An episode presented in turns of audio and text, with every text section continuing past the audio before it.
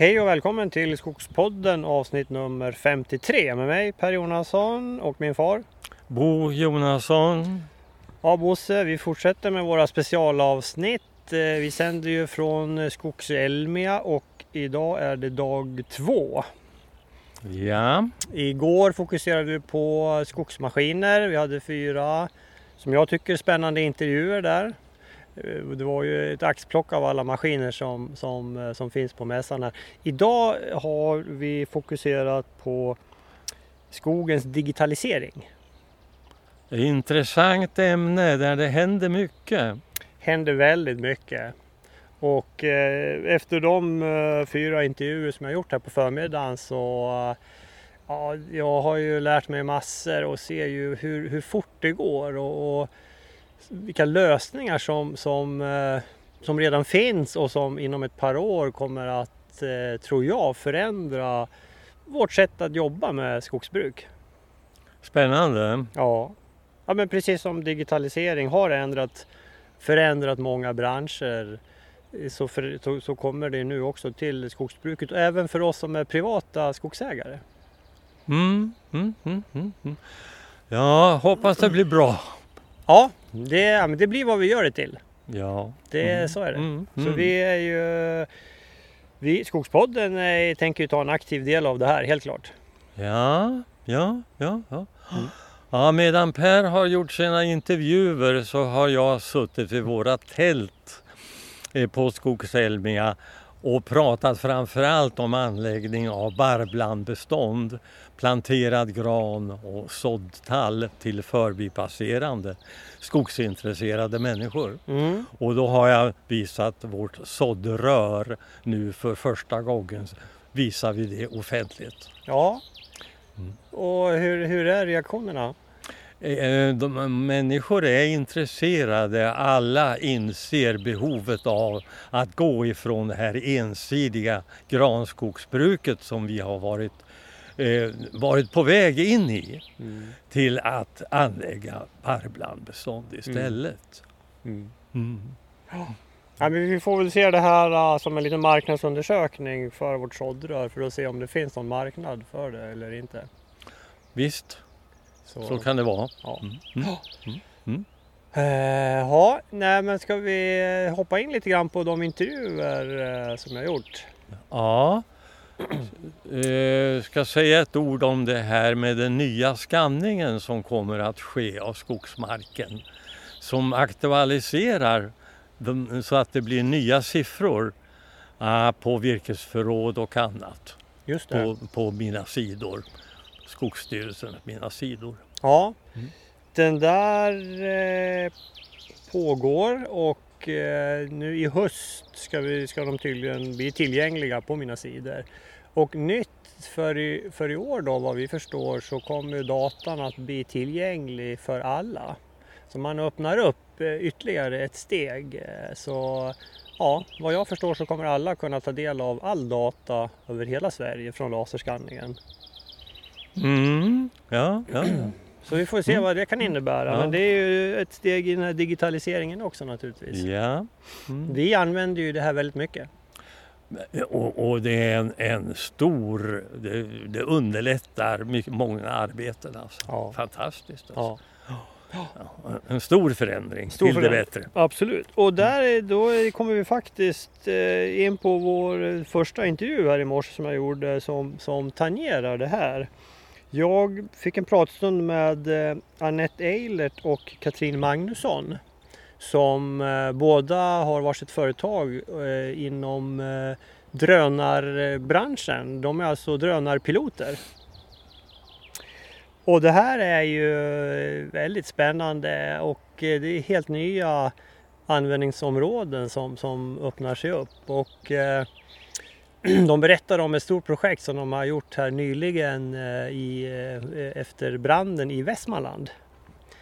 Eh, Men vi låter Annette och Katrin nu berätta om det här själva, så här kommer de. Annette Eilert och Katrin Magnusson, eh, välkomna till Skogspodden. Tack så mycket. Tackar. Vi är alltså på Skogselmia och det är dag två och vi står mitt i Drone Zone. Vad är det för någonting? Eh, jo men Dronezone är ju det här stället där alla vi som gillar skog och drönare har samlats. Ja, och det är, eh, hur många företag är ni här ungefär? Vi är sex stycken företag här idag. Det är allt från de som säljer drönare till de som eh, utvecklar mjukvaror och så vi då som är eh, drönarpiloter. Ja, för ni två har varsitt företag Stämmer bra. som heter? Eh, jag heter, eller mitt företag heter då Magnussons drönare. Och mitt heter Eilerts drönare. Just det. Men vi just jobbar ihop. Ja, Eh, I stort sett, vad säger vi, 99 procent Ja. av tiden så jobbar vi ihop. Ja, Ja. Därför att ofta så behöver man vara två piloter. Det är mycket tekniska saker och eh, både hårdvaror och mjukvaror. Så då är det bra att vara två ute i fält. Det kan bli ganska långa dagar också. Eh, och sen bollplank. Det är mycket lösa på plats ibland när man är ute. ja. Och då Just kan det det. vara bra att ha en, en pilot med sig som har samma bakgrund och kompetens. Jag, jag följer er på Instagram och har sett att ni har ju en, en rejäl utbildning inom just drönarflygning. Mm, det är Berätta faktiskt den. Anette som eh, står för den. Berätta om det. Jag har gått eh, Sveriges första ettåriga drönarutbildning som ligger på Trafikflyghögskolan i Ljungbyhed. Så att jag var en av 25 elever som var de första som fick den här utbildningen då, eller som gick utbildningen. Så att eh, ja, den, eh, den är gedigen kan man säga. Och det Ja. gjorde jag för att jag vet att regelverket om drönare kommer att ändras så småningom och bli mera Europa-anpassat. Och då kommer man att kräva en bättre utbildning än vad som behövs idag. Egentligen behöver du inte ha någon utbildning idag för att flyga drönare. Men eh, jag tror att det kommer att ändras framöver och ganska snart faktiskt. Ja. Så det är ett helt år i den här utbildningen? Ja, heltid ett helt år. Wow, okej. Ja, ja. Och man läser första månaderna så läser man tillsammans med de som ska bli riktiga piloter. Med väder och luftfart och regelverk och så vidare. Mm, intressant. Är det mycket regler eh, när det gäller flygning eller kan man köpa sin drönare ut och, och köra? Du kan köpa en drönare och ut och flyga men det finns ett regelverk som, eh, som du måste följa och det handlar om hur högt du får flyga, hur långt bort du får flyga och vart du får flyga. Ja, just det. Okej. Men då är ju frågan, vad, när, eh, hur använder man drönare i skogsbruket? Eh, alltså det finns ju mängder med olika eh, områden helt enkelt. Alltså allt från att liksom inspektera en avverkning till exempel. Alltså du kollar, har vi fått ut allt virke till exempel? Du kan kolla körskador. Ligger det ris kvar om man har gjort eh, någon liten bro över någon bäck eller någonting sånt.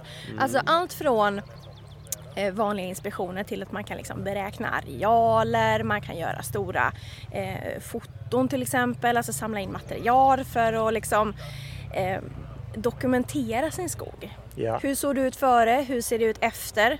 Eh, hur var barkborreangreppen förra året jämfört med detta året till exempel? Mm.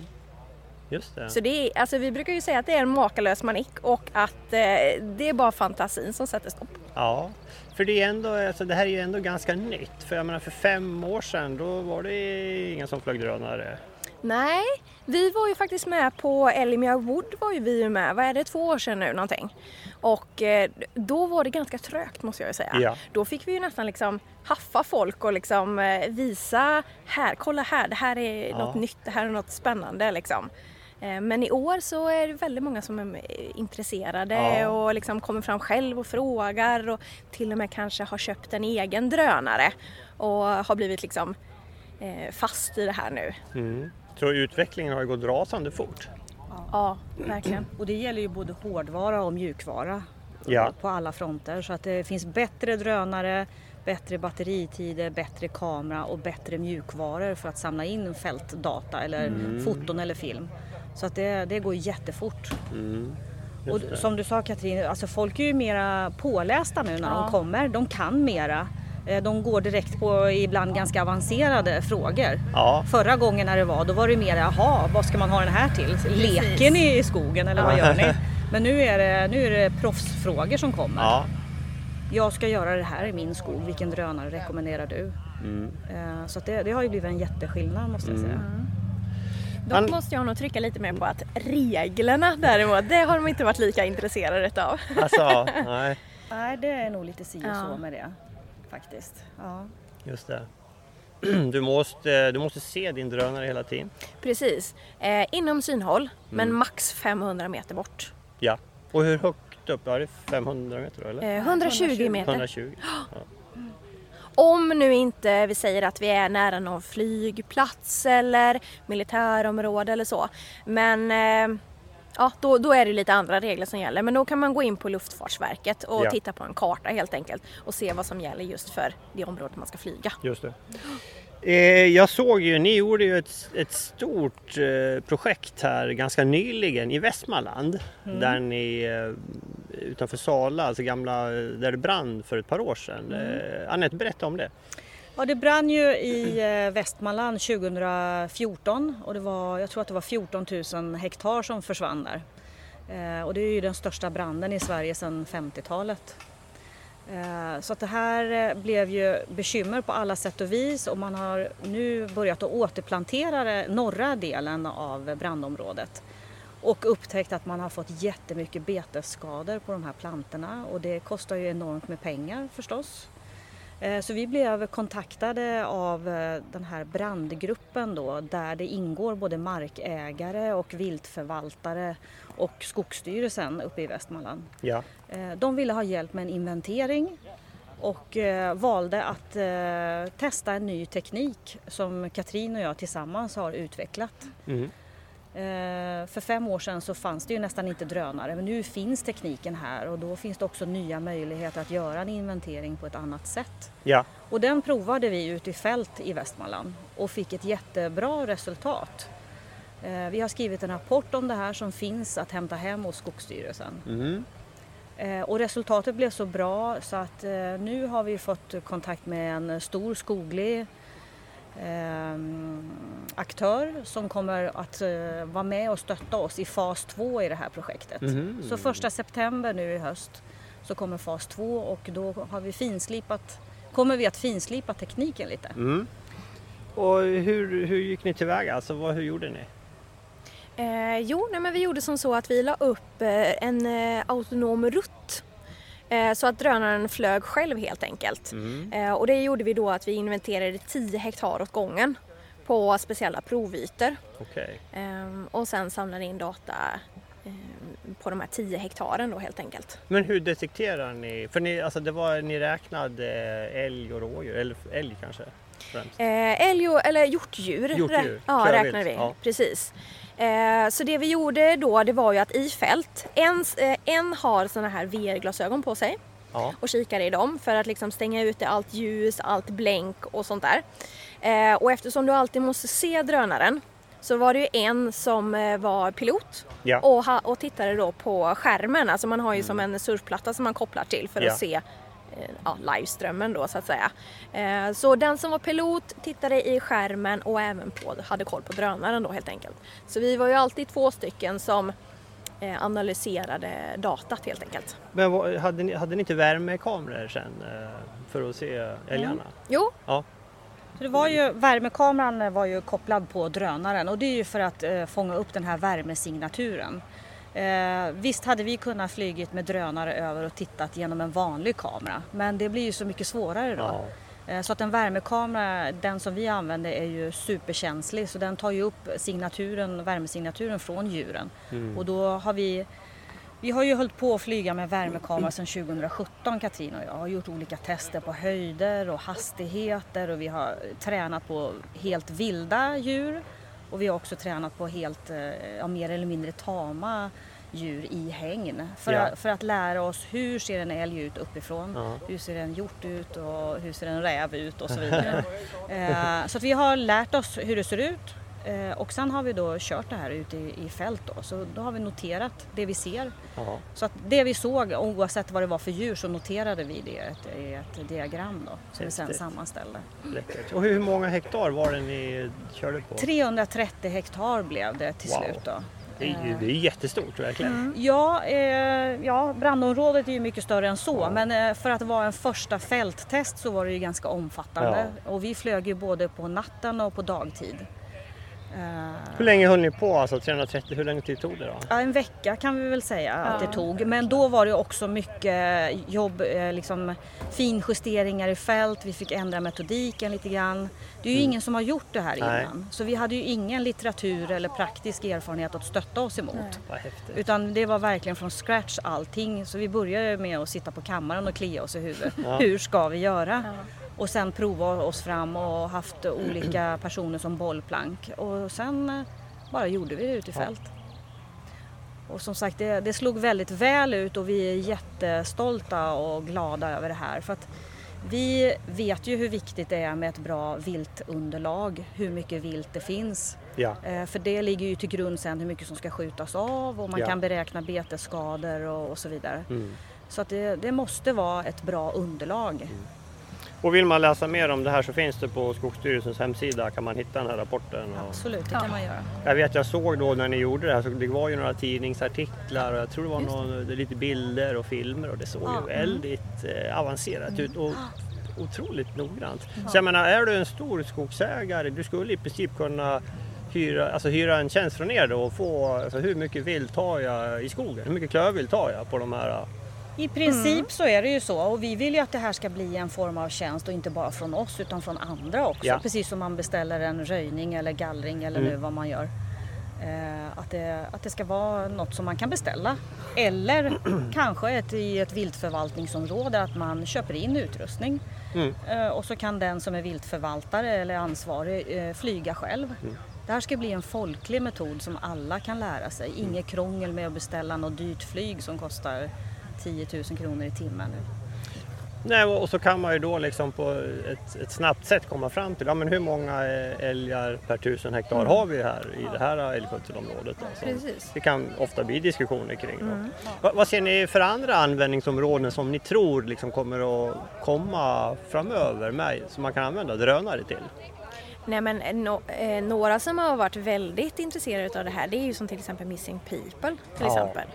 Just det. Där har vi ett jättebra användningsområde för värmekameran också. Ja. Nej, men och sen har vi ju även Eh, vi, vi, vi känner ju en kille till exempel, han inspekterar eh, alltså ledningar Ja. och, eh, och vad heter det som går i backen? Eh, Värmerör eller så här. ja, fjärrvärme Ja. till exempel. Ja, liksom, där ser man ju om det är några större läckage någonstans helt Ja, enkelt. du, nu, det Så är man in- fortfarande värmekamera där? Ja, alltså. precis. Mm. Då har du värmekameran, Mm. eh, du kan flyga längs hela det här stråket och så ser du vart du har läckaget Mm. helt enkelt så att du slipper gräva upp Just det. alltihop utan Ja. liksom, du går direkt på källan med en gång. Ja. En annan, om man nu ska se till drönare generellt, det är ju det här inom eh, räddningstjänsten. Både Mm. polis och eh, brand och eh, sjukvården. Att de snabbt kan ta sig fram till en olycksplats och få en eh, överblick över skadeläget och snabbt kan göra insatser. Mm. Och framförallt skogsbränder. Både Katrin och jag har ju varit med och flugit vid skogsbränder. Och Okej. där, där kan man ju se snabbt vilken väg ska vi ta oss dit, hur är omfattningen, hur ligger vinden?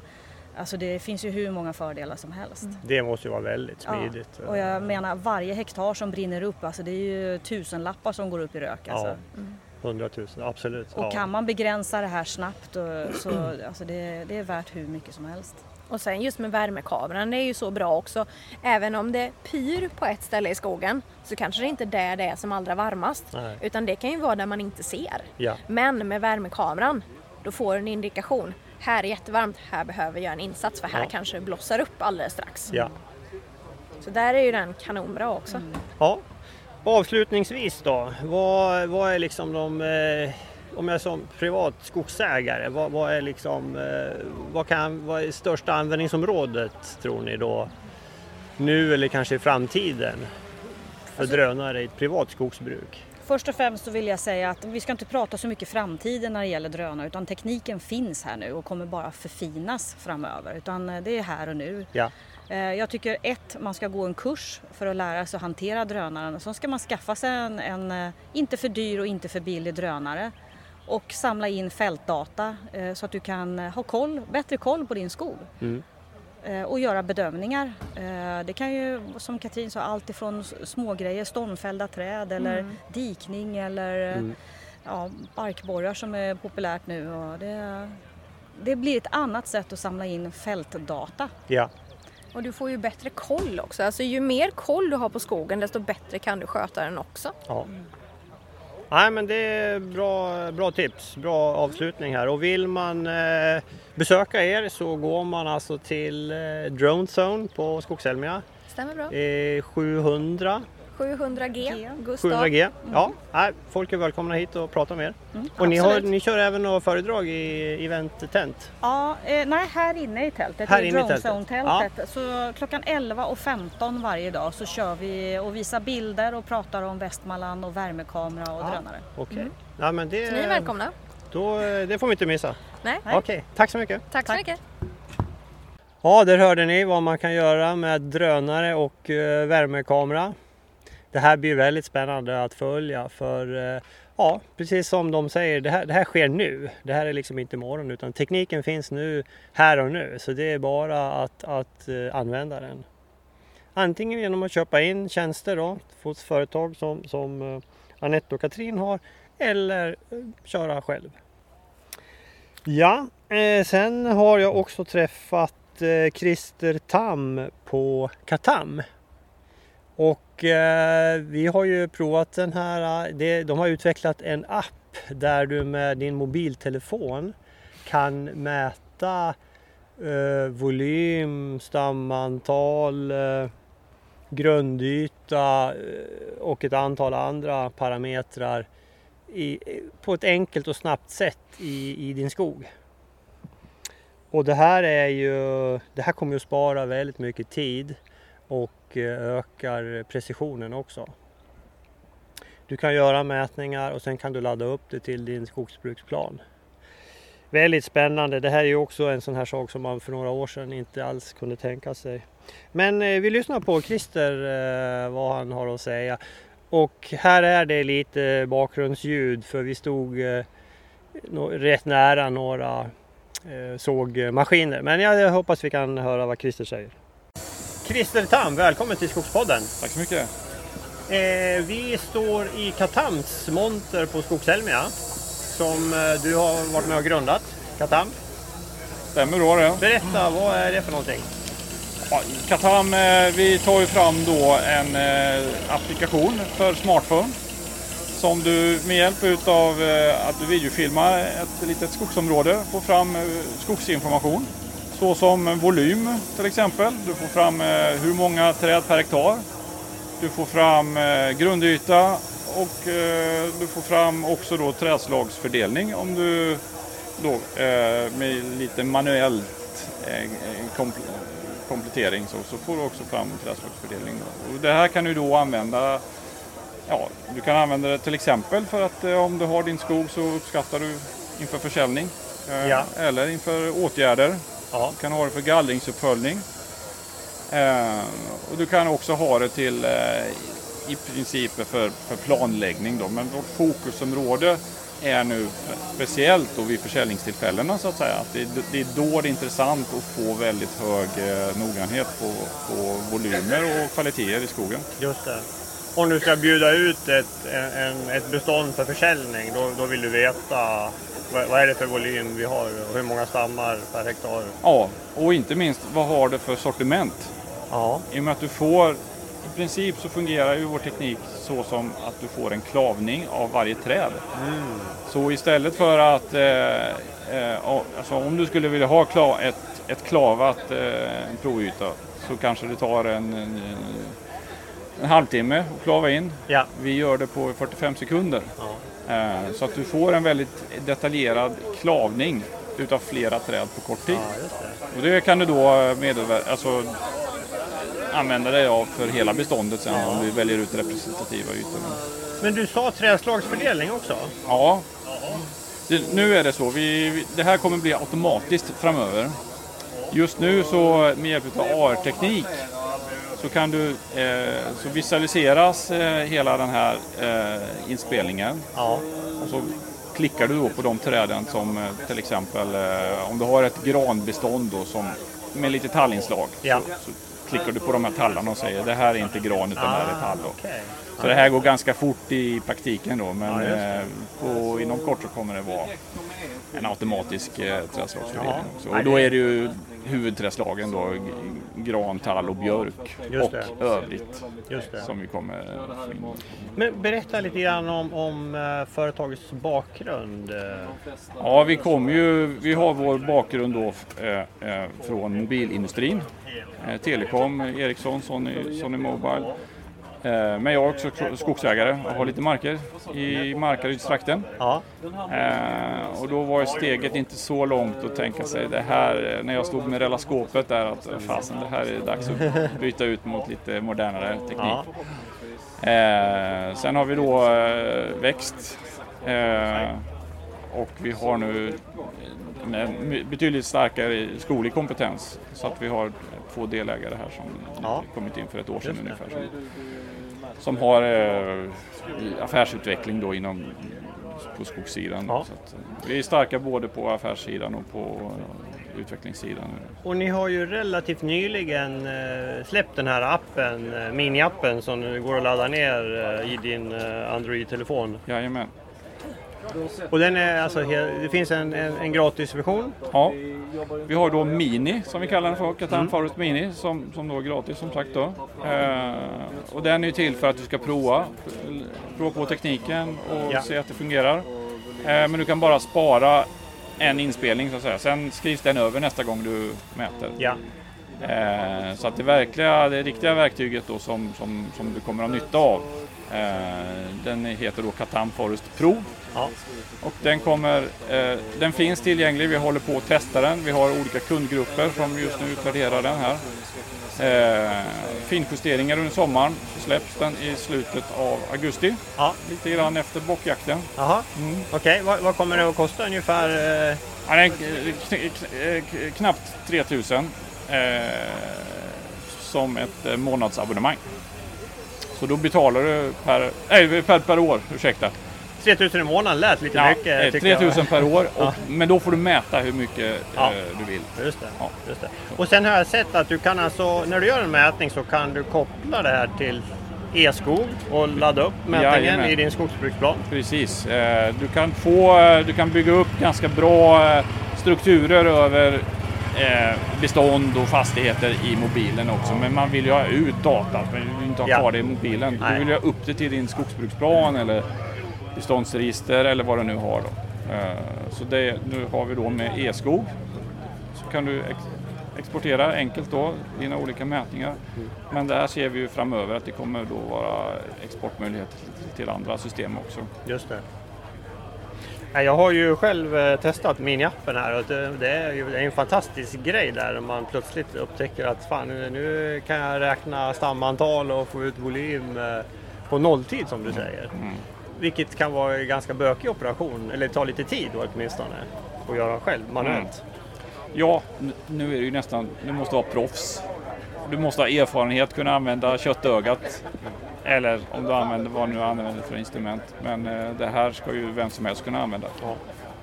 Berätta lite grann om, eh, för jag vet att det finns vissa begränsningar. Hur, hur ser liksom idealskogen ut och hur, hur pass mycket snår och ris får det Mm, vara? När, mm. när börjar man få problem med sånt? Ja, nej, men den här tekniken den bygger på det visuellt, computer vision då.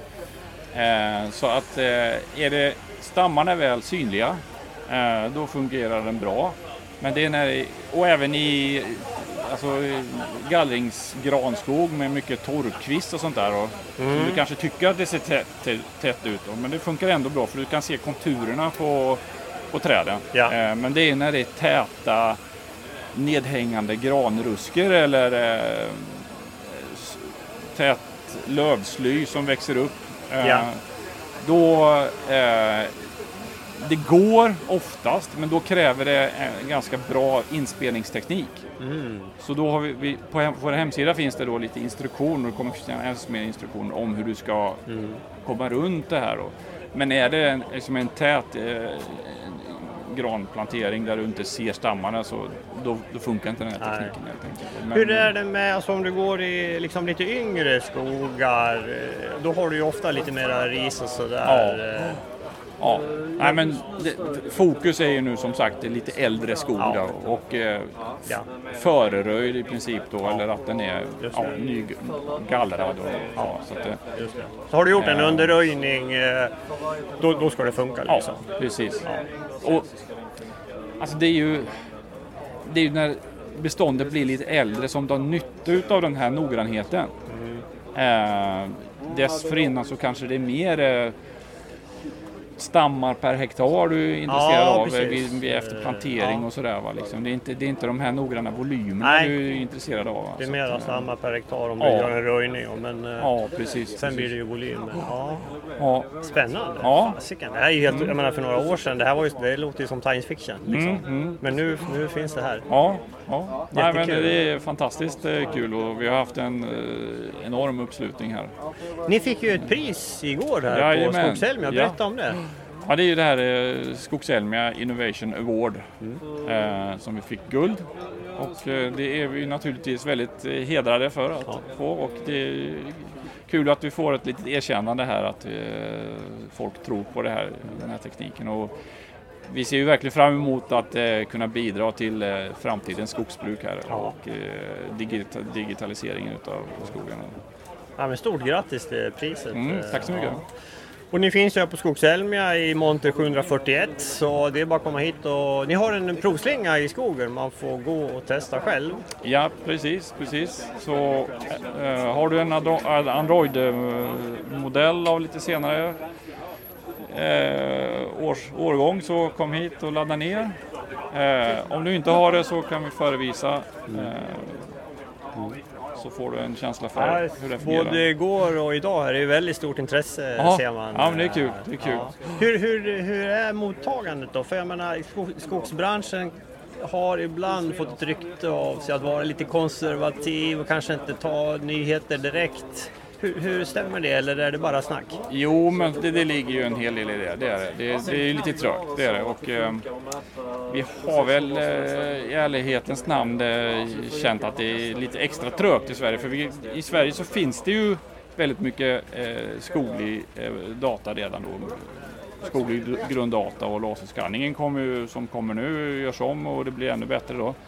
Eh, vi kompletterar i och för sig varandra för de är ju bra på höjdmätning medan vi är bra på att mäta på marken då. Ja, Så att vi ser ju egentligen det kompletterar, vi kan ladda ner höjdinformationen från den. Så att det är, vilket gör att vi får ännu bättre mätningar. Eh, men i en hel del sammanhang så räcker det med skoglig grunddata. Eh, men i, internationellt så eh, ser vi ett eh, väldigt stort intresse där det inte finns skoglig grunddata. Där har man inte det här alternativet. Utan där är, står man lite mer på tå tycker jag och tar, Ja. välkomnar ny teknik. och- vilka- Alternativen är inte så många där utan där, är de, för att de ska kunna optimera och eh, effektivisera sin skogsbruk. Vilka länder är liksom intresset störst i? Ja, nu är det ju plantageskogsbruk då som vi jobbar med, alltså snabbväxande Ja. skog. Och då har vi ett projekt i, i Chile. Eh, och där har du då Pinus radiata som är deras huvudträdslag. Som har en cykeltid på 20 år. Avverkar Ja. stora eh, 30-40 meters tallar då, efter 20 år. Wow. Och de står ju lite mer på tå där liksom, för de vill ju optimera eh, tillväxten på ett lite annat sätt. Ja. Och mäter väldigt mycket. För ett eller två års eh, tillväxtbortfall då, eh, påverkar. Okej. Det blir tydligare att det påverkar eh, Ja. produktionen på ett helt annat sätt. Då. Eh, så att där ser vi ett större intresse egentligen för den här tekniken. Ja. Eh, och mer öppna för att ta emot digitaliseringens fördelar och öppna upp för ett preci- precisionsskogsbruk där du kan titta på varje enskilt träd också Ja. och optimera utifrån det. Okej, okej. Men det känns ju ändå som att det börjar röra sig i Sverige. Bara här på Skogselmia är det ju ett antal eh, utställare som jobbar med digitalisering inom skogsbruket. Så. Ja, absolut. absolut. Det händer mycket. Ja, ja. Och vi har ju några grannar här också som eh, också jobbar mycket med digitalisering och med appar och så. Så Ja. att, eh, Ja, vad skojigt. Ja. Vad kul. Ja, men, eh, ja, Christer Tam, eh, tack så mycket för den här pratstunden och lycka till. Mm, tack så mycket. Ja, där fick vi höra. Det här är ju väldigt spännande och ja, det här kan definitivt vara något för oss. För eh, även om vi har en uppdaterad skogsbruksplan så, så ja, alla bestånd är väl kanske inte 100% korrekta. De kan säkert bli bättre. Eh, sen har jag pratat med Jonny Edvardsson från eh, Tracy of Sweden. Och eh, ja, jag hade ju läst om Tracy of Sweden förut och deras produkt. Men eh, hade nog inte riktigt förstått vilket tekniksprång eh, som det här är. Och eh, det tycker jag Jonny var bra att förklara. Och eh, det här blir ju väldigt spännande och, och eh, speciellt om man kan få in det på skördarna som, som Jonny pratar om. Eh, vi låter Jonny berätta om det här. Här kommer intervjun. Jonny Edvardsson, välkommen till Skogspodden. Tack så mycket. Vi är på Skogselmia och vi står här vid Tracy of Swedens monter. Ja, Och eh, berätta, vad är Tracy of Sweden? Tracy of Sweden är ett eh, bolag som har varit verksam kan man säga då i tre år i den form som är just nu. Det startade tidigare egentligen ett och ett halvt år innan med idén där vi tittade lite på möjligheten och vad det fanns för patent och så här innan vi egentligen offentliggjorde vad vi höll på med. Så kan man säga. Eh, idén kommer ju kanske man säger från eh, min tid på Bomans fanerfabrik. Där jag jobbade 26 år med Ja. inköp. Och eh, man kan säga att det, det, vi lärde oss på Bomans om digitalisering har jag med mig fortfarande kan man säga. För fram till 1995-96 det, så skrev vi när vi mätte fanerstock ute på papper. Ja. Det var alltid vinter och det var alltid kallt. Ja. Så att eh, eh, jag tyckte det var gammaldags och eh, vi var tvungna att modernisera och göra det lättare för oss eh, som eh, var ute och köpte fanerstock egentligen. Så vi sonderade terrängen och eh, fick kontakt med Haglös i Långsele som gör dataklavar. Mm. Så efter ett och ett halvt års utveckling där så hade vi ett eget program som vi kunde registrera stockar på markägaren direkt egentligen, virkesordenummer och egentligen ursprunget, även XY-koordinater. Okej. Det var lite svårt att få, tag i då för då hade amerikanerna filter på GPSen. Ja. Så det var lite felaktigt och det var dyrt. Ja. Så eh, till att börja med så använde vi inte det alls. Men vi fick det digitala flödet ifrån skogsägaren till slutkonsument. Och det lärde vi oss väldigt mycket på. Så på 15 år det, ifrån 96 när vi hade programmet färdigt, Mm. så kunde vi optimera kan man säga hur många kvadratmeter vi fick ut ifrån varje inköpt kubik.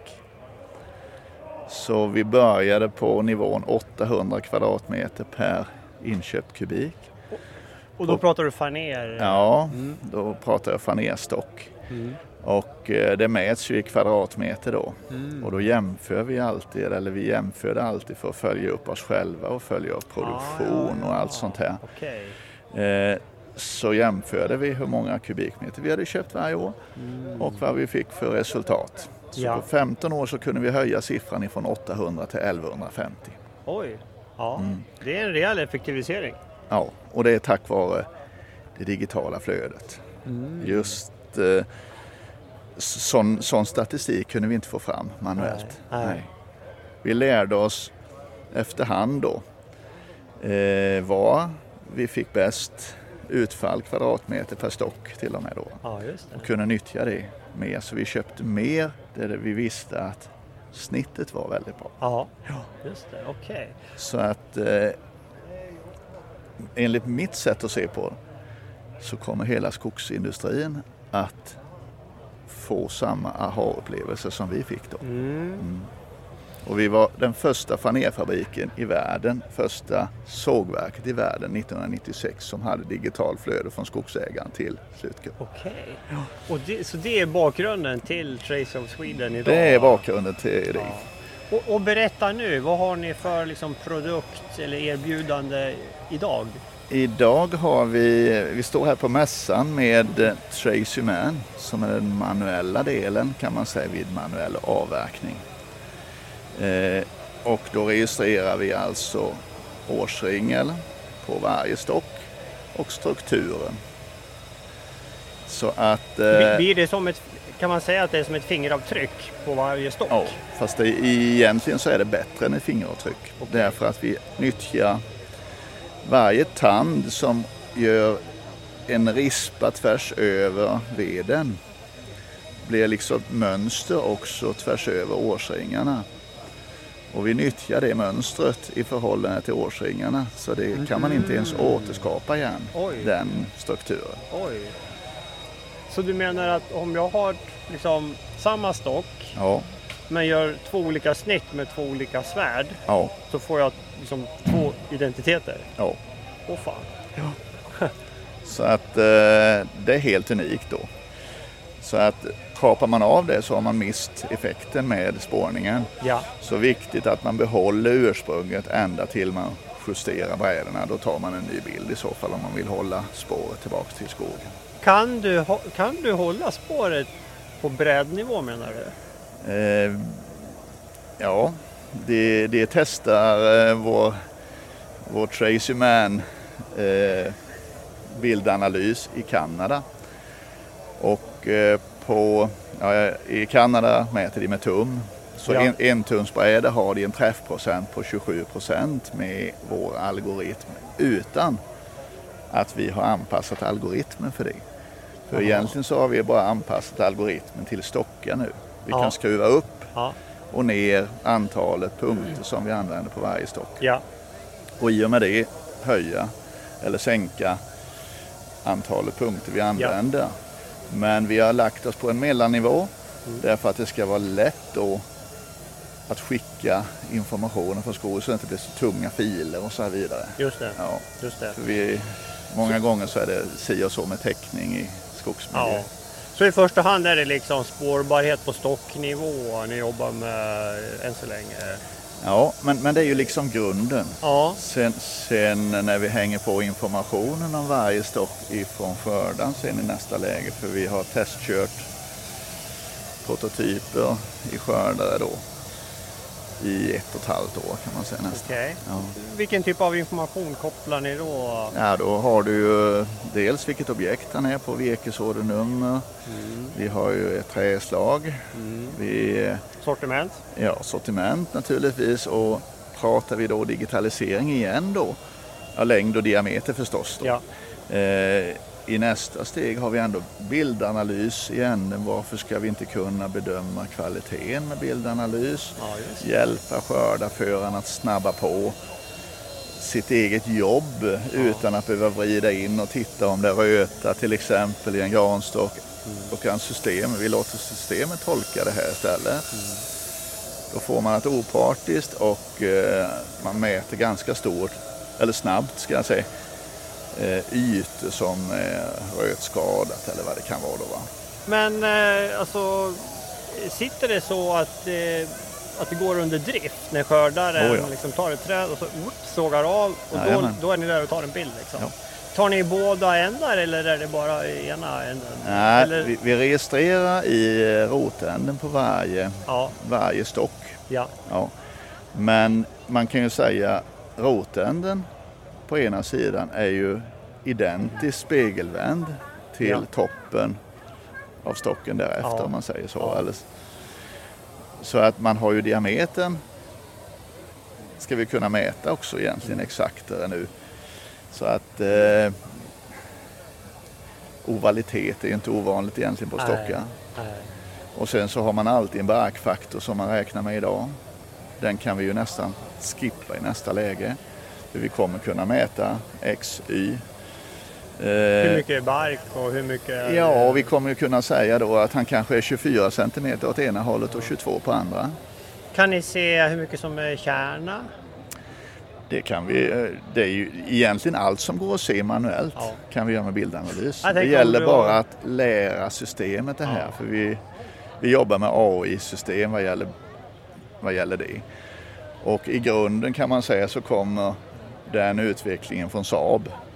Mm. Så att det sitter eh, till 80 procent i vår bildanalys kan man säga kommer från ursprunget Saab då. Okej. Och sen har vi byggt om det här för att anpassas för stockända och träprodukter Ja. och så. Otro- Fantastiskt, det låter helt otroligt. Hur pass implementerat är det här idag? Eh, ja, det som har tagit längst tid för oss egentligen det har varit bygga molntjänsterna så att vi får, kan skicka upp eh, bilderna både vid avverkning då och så måste vi kunna skicka upp bilder vid återigenkänning. Ja. Och det var klart eh, vid nyår här kan man säga. Okej. Så det är först sista ja, våren här nu som vi börjar marknadsföra Tracy Man då, Ja. Som är den manuella delen som vi kan leverera just nu. Är, är det något för entreprenörer som köper det då? Är det, är det tänkta målgruppen eller är det Mm, ja. Ja, mång, eller det intresse vi har kan man säga just nu är ju eh, där man avverkar ek till exempel. Mm. Du avverkar till eh, ja, special någonting va? Ja. Att du vill eh, göra en historia omkring någonting eller så här. Den typen av eh, Annars är ju manuell avverkning idag inte så vanlig i Sverige egentligen för att det Nej. mesta körs i skördare. Ja, Och där har vi flera bolag som nästan står i kö och vill testa och se vad de kan använda. för jag, för jag tänkte det, alltså som, jag menar, säg att man är privat skogsägare, det skulle vara jätteintressant att få Mm. Absolut. ta del av, alltså hur, Det är, hur ser det ut liksom på, på min avverkning då? Ja, Men absolut. där man har kört med skördare. Ja. Och vi räknar väl med att eh, vi hoppas i alla fall att vi ska vara färdiga här nu i, i höst även med det här med skördardelarna. Ja, Så att eh, man verkligen kan få hävstång kan du säga i det svenska skogsbruket och Ja. få fullständigt digitalt flöde. ja. Ja. Det, det låter ju otroligt. Ja. Det, Och, och en, eh, du nämnde ju att ni är inte bara verksamma här i Sverige utan även internationellt. Eh, ja. Vilka, vilka länder är det som, Eh, där finns ni? ja, man kan ju säga Tracy Man som, som eh, produkt kanske framförallt skulle vara till väldigt stor hjälp i Sydamerika, Afrika och Ja. Asien. Där man avverkar väldigt stora mängder manuellt. Då, va? Och där behovet av märkning är kanske ännu större än i Sverige. Vad gäller spårning och kunna skilja Ja. på det som är illegalt från det som är legalt avverkat.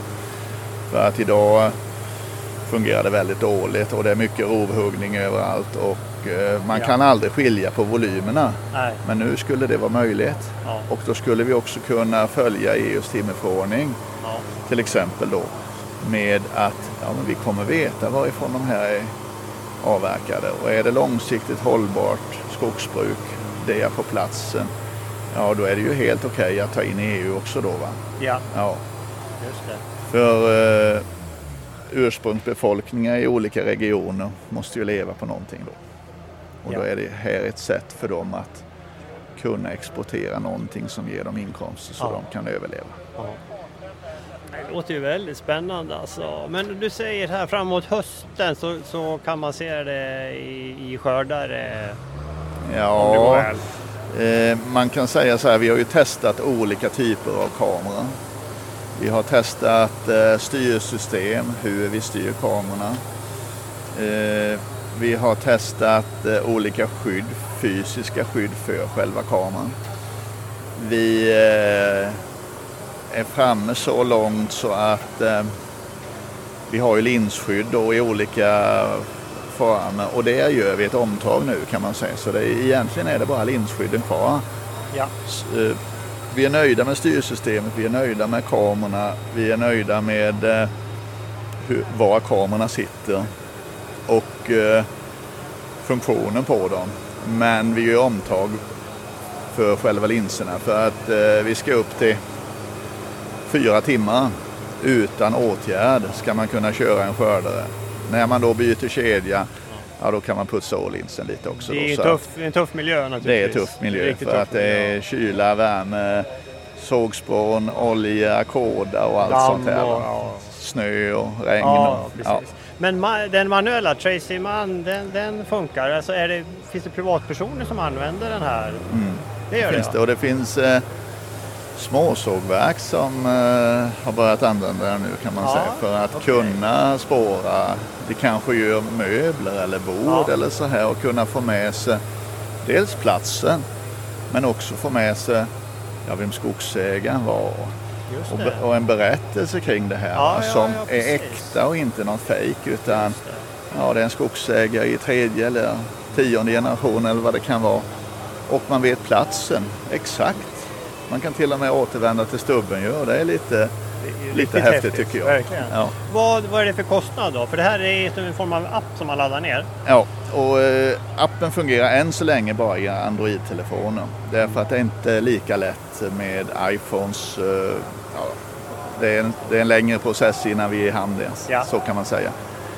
För Androider är mer öppna för olika system och eh, då har vi valt att ja, det är bättre att ha ute i... Vad är, Det- vad är det för kostnad ungefär? Eh, ja, man har abonnemang då Ja, och eh, vi har mässpris nu naturligtvis men ordinarie pris kan man säga för ett duoabonnemang per år är 4 500. Och då har man ju både vid avverkning då kunna registrera stockar och så kunna återigenkänna med, med samma teknik då, va, vad man vill. Annars så är det, är man singel, singel eh, antingen avverkare, man avverkar med motorsåg, eller ett sågverk som bara vill, vill återigenkänna sånt som är ursprungsmärkt. Då, Ja. då är det 3000 om året Ja. och sen betalar man bara egentligen hur mycket man använder. ja. Ja. Så i dagsläget är det en krona bilden, en krona stocken. Okej. Fascinerande. Det här är helt nya möjligheter som öppnar sig när det gäller spårbarhet och ursprungsmärkning. Och som du säger att skapa den här äh, berättelsen. Liksom. Varifrån kommer virket? Hur Ja. är det odlat? Ja. Och, ja. Och vi kommer ju lära oss, en, eller få, inte bara stockar utan att när man pratar industrin då. Och vi har Tracy Out som den heter på skördardelen egentligen, AUT. Eh, automatiskt då. Då, eh, ja, då kommer man få statistik på sånt som aldrig varit möjligt att få innan. Till exempel, jag har varit i kontakt med massabruk som har sagt så här, ja vi har fem som analyserar kvaliteten på massa, massan, färdig massa efteråt. Men de vet egentligen inte vad de har stoppat i. Nej. Och det är ungefär som att laga mat utan att veta vad du har för ingredienser. Ja. Vad blev det av den såsen? Det är svårt att styra Ja, man det ska går ju förändra liksom någonting. inte. Ja. Men kommer man ha det här spåret in då kommer man ha ja, avverkningsplats inte minst. Fi- tätvuxenhet eller frodvuxet, fiber. Man kommer lära sig om fiberkvaliteten ifrån olika områden. Hur det påverkar kvaliteten på. På färdig massa. Va? Och då påverkar det ju de stora företagen på sista raden direkt. Va? Och jag, jag tänker mig lite grann som privatskogsägare som, som vi till exempel. Vi stamkvistar ju väldigt mycket tall. Ja, Och idag det är lite svårt att få betalt för det där. Ja. Men man kan tänka sig att om vi fäller då och så tar vi en detektering Ja. och så säger vi att ja, men just den här äh, stammen den är, eh, den är stamkvistad. Och då har vi den spårbarheten ända in i sågverket. absolut.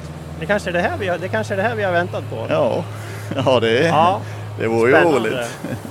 Och eh, Jonny, berätta, ni fick ett eh, fint pris igår Ja, på mässan här. vi fick eh, ja, guldpriset egentligen då eh, på Elmia Innovation Award. Just det. Ja, det var ju väldigt roligt att Ja. få naturligtvis. Grattis. Eh, tack så mycket. Det är ju, eh, då är det ju någon annan som har bedömt vår potential i marknaden, så kan man säga då. Ja. Ja. Och det är ju alltid roligt att bli opartiskt eh, analyserad på det viset och ändå få ett pris. Så är det ju. Så Ja. det, extra roligt. Jättekul. Ja, nej men eh, om man är på mässan så, så finns ni på plats 742, Ja, 742 så kan man komma förbi och kika på, på det här och ta ett prat med er. Och, jajamän. ja, Alla välkomna. ja. Kanon, tack så mycket Jonny. Ja, tack så mycket. Ja, som ni hör, det här är ju, verk, det här är ju verkligen eh, nya saker alltså som, som sker och det, det, det sker fort.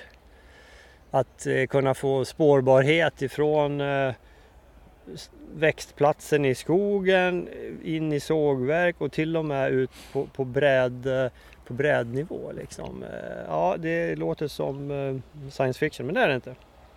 Ja, eh, intervju nummer fyra. Den har jag fått med eh, Virkesbörsens VD Adam Aljaraida. Han eh, berättade om Virkesbörsen och så här lät det. Adam Aljaraida, Ja, välkommen till Skogspodden. tack så mycket. Vi är nu på Skogselmia, dag två och ja, vi står här vid Virkesbörsens eh, tält. Eh, Ja. Och du har precis varit och pratat i eventtältet. Exakt. Berätta lite grann om Virkesbörsen, vad är det för något? Ja, så uh, Virkesbörsen är ju egentligen en eh, digital marknadsplats, ett Hemnet eller Blocket men för virkesaffärer. Här kan skogsägare ladda upp, eh, skapa en annons då eh, av den avverkningen eller gallringen som de ska göra oavsett om det är leveransvirke, avverkningsuppdrag eller, eller rotpost. Annonsen läggs upp, alla köpare alla potentiella köpare i området, i och utanför Sverige, får ett mail om att nu finns det virke till salu. Eh, skogsbolagen går ut och kollar på virket. Alternativt eh, om det är jättebra underlag i annonsen så behöver de inte ens åka ut.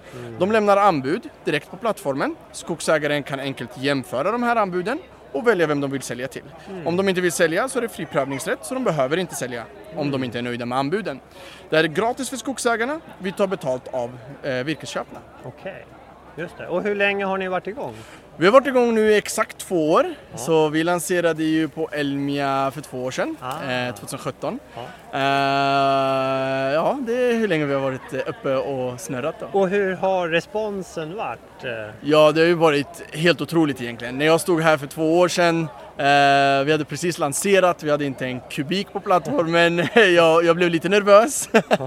Men eh, sen har det gått eh, otroligt, det har gått fantastiskt bra liksom. Vi har ju fått med oss några av Sveriges största skogsägare, några av Sveriges största skogsbolag. Fler och fler bolag förstår ju det här nu och är inne och köper virke. Eh, vi ser ju jätteroliga och konstiga trender med entreprenörer som är inne och köper virke, med traders som kör ut till utlandet, eh, med liksom aktörer som köper i ett län, säljer i ett annat län. Eh, så, och det har ju varit jättekul. Vi har ju allt från, som du vet, kanske Statens fastighetsverk, Svenska kyrkan, kommunerna, Göteborgs stad etc. Länsstyrelser, så det, det har gått fantastiskt bra Ja. faktiskt. Otroligt. Och du är VD. Yes! Eh, Du var med och grundade också. Ja, precis. Så jag var med och grundade det här 2017. Innan dess så jobbade jag som managementkonsult, eh, affärsutvecklingskonsult inom skogsindustrin då. Eh, tillsammans då med min, då var Per Hedberg som är min medgrundare idag, var ju min chef då.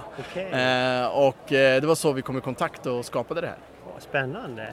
För där, alltså Sverige har ju legat kanske lite efter. Jag vet i Mm. Finland är det här ganska stort redan. Ja, nej men precis. Och i Finland, eh, jag vet inte exakta procentuella siffran, men det är ju över hälften av alla virkesaffärer som sker per år går ju genom deras eh, digitala marknadsplats. Wow. Eh, och där är det ju liksom, ja men skogsägarna är supernöjda. Eh, man kommer ut, når ut till hela marknaden, når alla potentiella köpare, får rätt pris för sitt virke.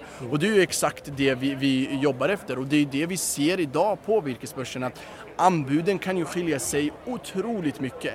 Allt från 20-30 kronor per kubik till liksom 2-3 kronor per kubik. Oj. Så oavsett vad den är så får man oftast eh, liksom rätt pris på virkesbörsen. Ja, ja. Hur mycket affärer eh, går genom era system nu då? Ja, så just nu om vi kollar till exempel om 2017 i juni då hade vi 0 kubik. Eh, om vi kollar juni 2018 så hade vi ungefär 30 000 kubik. Och om vi kollar juni 2019 så ligger vi ungefär på 120 000 kubik den här månaden. Så 120 000 kubik, alltså ackumulerat? nej, bara under juni. Wow. Så eh, det går ju otroligt snabbt och vi har ju växt från två personer till eh, tio personer Oj, idag oj, oj. eh, på två år och vi, liksom, vi är ju otroligt tacksamma. Och vi ser ju liksom att det finns ett behov. Det finns ett behov där. Ja. Skogsägarna får rätt pris, når alla potentiella köpare medan skogsbolagen kan effektivisera sin virkesanskaffning och nå skogsägarna på ett mycket enklare sätt. Just det, just det. Ibland så, det man kan höra som, som eh, eventuella nackdelar, eller många pratar om den personliga kontakten mellan Mm, säljare mm. och köpare. Eh, eh, Ser du det, kan det vara ett hinder? Ja men det är ju det här som är så intressant i det här fallet. Att jag, jag blev ju precis intervjuad av en annan tidning, vi behöver inte säga några namn. eh, och, och där var samma fråga liksom, vad händer med relationen? Ja. Men du skaffar ju nya relationer. Ja, Med digitaliseringen så skaffar du nya relationer. Så oavsett vem du säljer till så kommer du få en relation med den virkesköparen. Så om det är den, samma virkesköpare som du alltid har sålt till så bevaras relationen med den virkesköparen. Och är, väljer du någon annan virkesköpare då får du en ny relation med en ny virkesköpare. Ja. Så, så jag, jag tror ju inte att digitaliseringen förstör relationer utan skapar nya. ja, just det. Det skapar ju en, en transparens eh. Absolut, eh, och det, och det är liksom det vi drivs för, av Ja. liksom transparens, rättvisa och effektivitet. Ja. Eh, och det är det jag tror virkesmarknaden behöver. Ja. Och eh, om du har liksom speciella krav vid din försäljning, jag menar, då, då statear du det. Absolut, alla- jag menar kolla på Kolla till exempel Göteborgs stad. Göteborgs stad säljer poster på 40, 50, 60, 100 kubik. Och de kör liksom eh, kontinuitetsskogsbruk eh, och säljer små poster i leveransvirke. De får anbud och säljer virket. Ja. Och så kollar man på eh, liksom, eh, Svenska kyrkan som säljer 5-6 tusen kubik per post. Ja. Och de får anbud och säljer Ja. sitt virke. Och de spes- spesar då i sin annons exakt vad de vill ha. Körskador eh, och liksom fixas av eh, köparen. Eh, hur mycket de vill ha i förskottsbetalning. Liksom allt statear man i annonsen. Så att virkesköparen kan enkelt säga okej, men jag kan inte betala 80%. Ja, men då lämnar jag inte anbud på det här. Nej. Eller jag kan betala 50%. Ja. Om det då lämnar jag ett anbud och skriver in det i mitt anbud att jag kan lämna 50%. Så på, på det här sättet så blir man superflexibel. Just det. Och affären sker ju mellan säljaren och köparen. Där är inte ni med. Nej, exakt. Så man tar in anbuden på virkesbörsen, man jämför vem man, eh, liksom, vem man vill sälja till. Om man vill sälja då så väljer man en köpare. Vi kan hjälpa till att generera ett avtal som man kan utgå ifrån om man vill det och man kan till och med signera det digitalt med BankID på plattformen. Ah, okej. Men vill man inte det, då sätter man sig ner med sin virkesköpare och, tar och liksom skriver ett eget kontrakt. Ja, precis som man gör idag. Ja, exakt.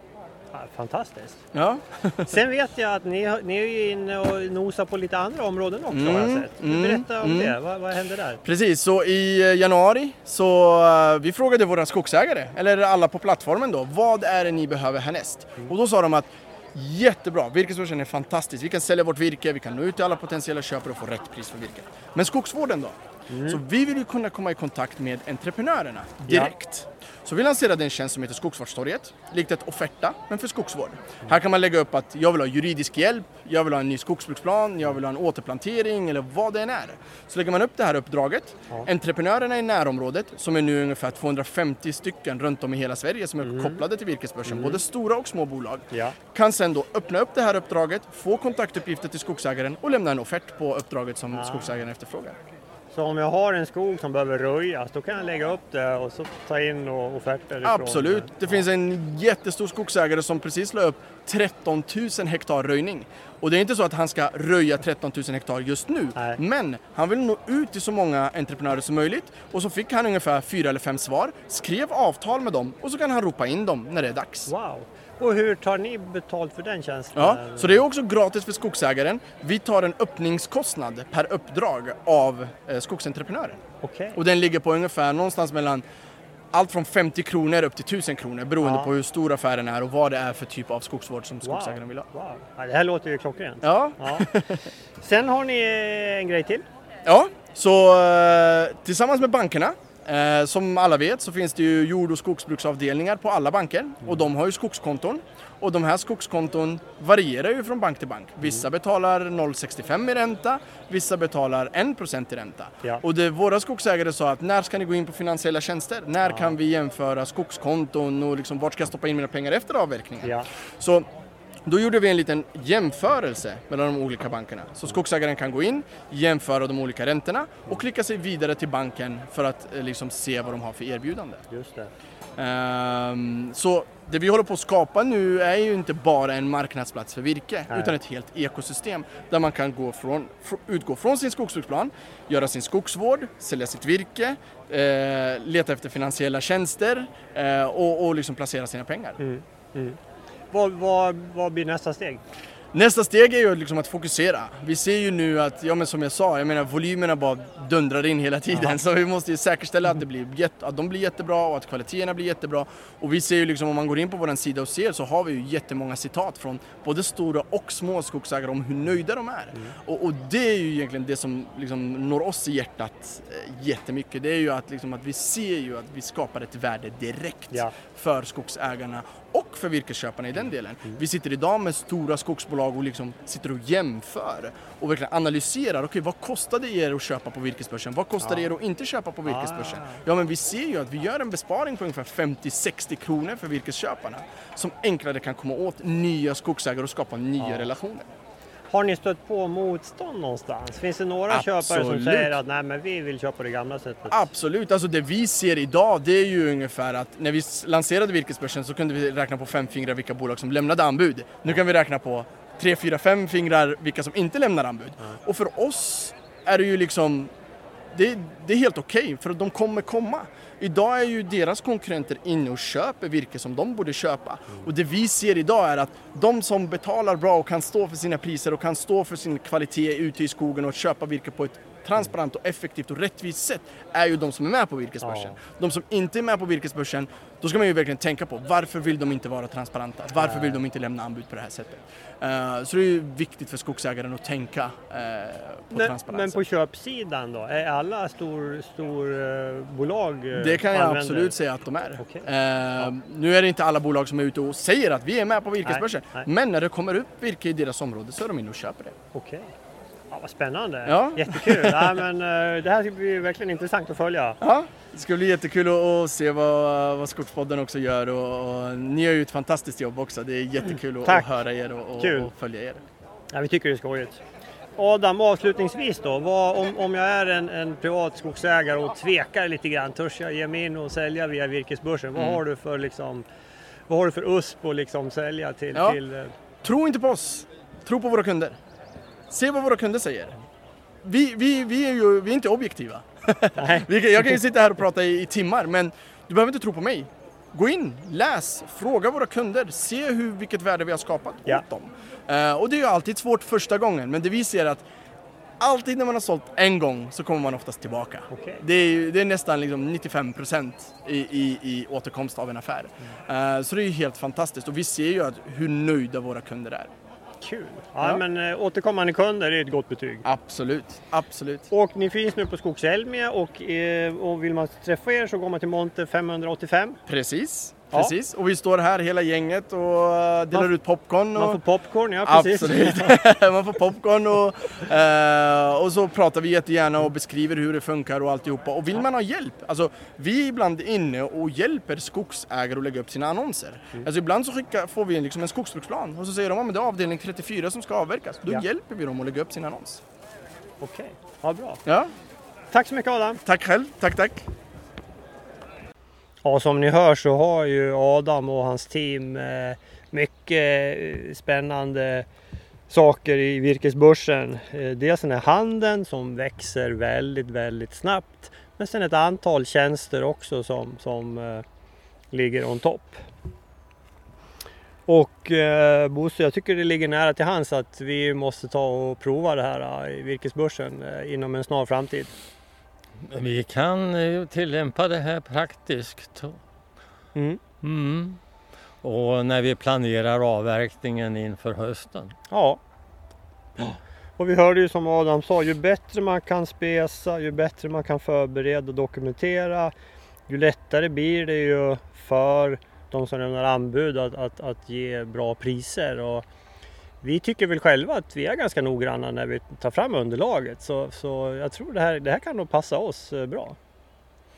Vi provar får vi se. Ja, ja vi får återkomma om det här. Vi, det är jätte, jättekul eh, utveckling eh, tycker vi. Ja, det var de fyra intervjuer vi hade idag. Det, Mm. temat är ju digitaliseringen och det här, är, det här var ju naturligtvis inte alla eh, utställare på mässan här på Skogselmia som, som håller på med digitalisering. Det finns många, många fler men eh, ja, det är så här många vi, vi eh, mäktar med att ta in i podden idag för att försöka hålla en, en eh, hög kvalitet på intervjuerna. Mm. Ja, imorgon Bosse, då ska vi prata mångbruk. Jaha. Mm. Det är alltså skogens entreprenörer. Vad kan man göra mer än bara sälja sitt virke för att Ja. liksom få in pengar från skogen? Det Mm. finns ju en del som, som eh, satsar på det här och det, det här ska bli eh, kul att se. Mm. Vi har några intervjuer planerade där. Eh, så lyssna på podden men framförallt har ni, det är en dag kvar på mässan. Kom hit! 30 kilometer söder om Jönköping. Eh, Skogselmia och köper ni en förköpsbiljett eh, via internet så har ni rabatt om ni anger Skogspodden med stort S eh, som rabattkod. får ni köpa en biljett för 200 kronor istället för 240 och köper ni på plats kostar det 300. Så det här är inget att tveka på. Mm. Kom hit och eh, kom förbi vår monter 422 sitter vi i också när vi inte är ute och gör intervjuer. Mm. Bra! Något mer att säga Bosse? Ah, inte för ögonblicket. Eh, ni hörde väl bofinken som spelade några meter ifrån oss. Ja, Ja. vi, vi gick ut i skogen för att, Mm. för att göra det här ljudklippet. Det är lite tystare här. Mm. Ja. Mm. Vad bra! Ja. Nej men eh, tack så mycket och vi hörs imorgon igen. Tack för idag!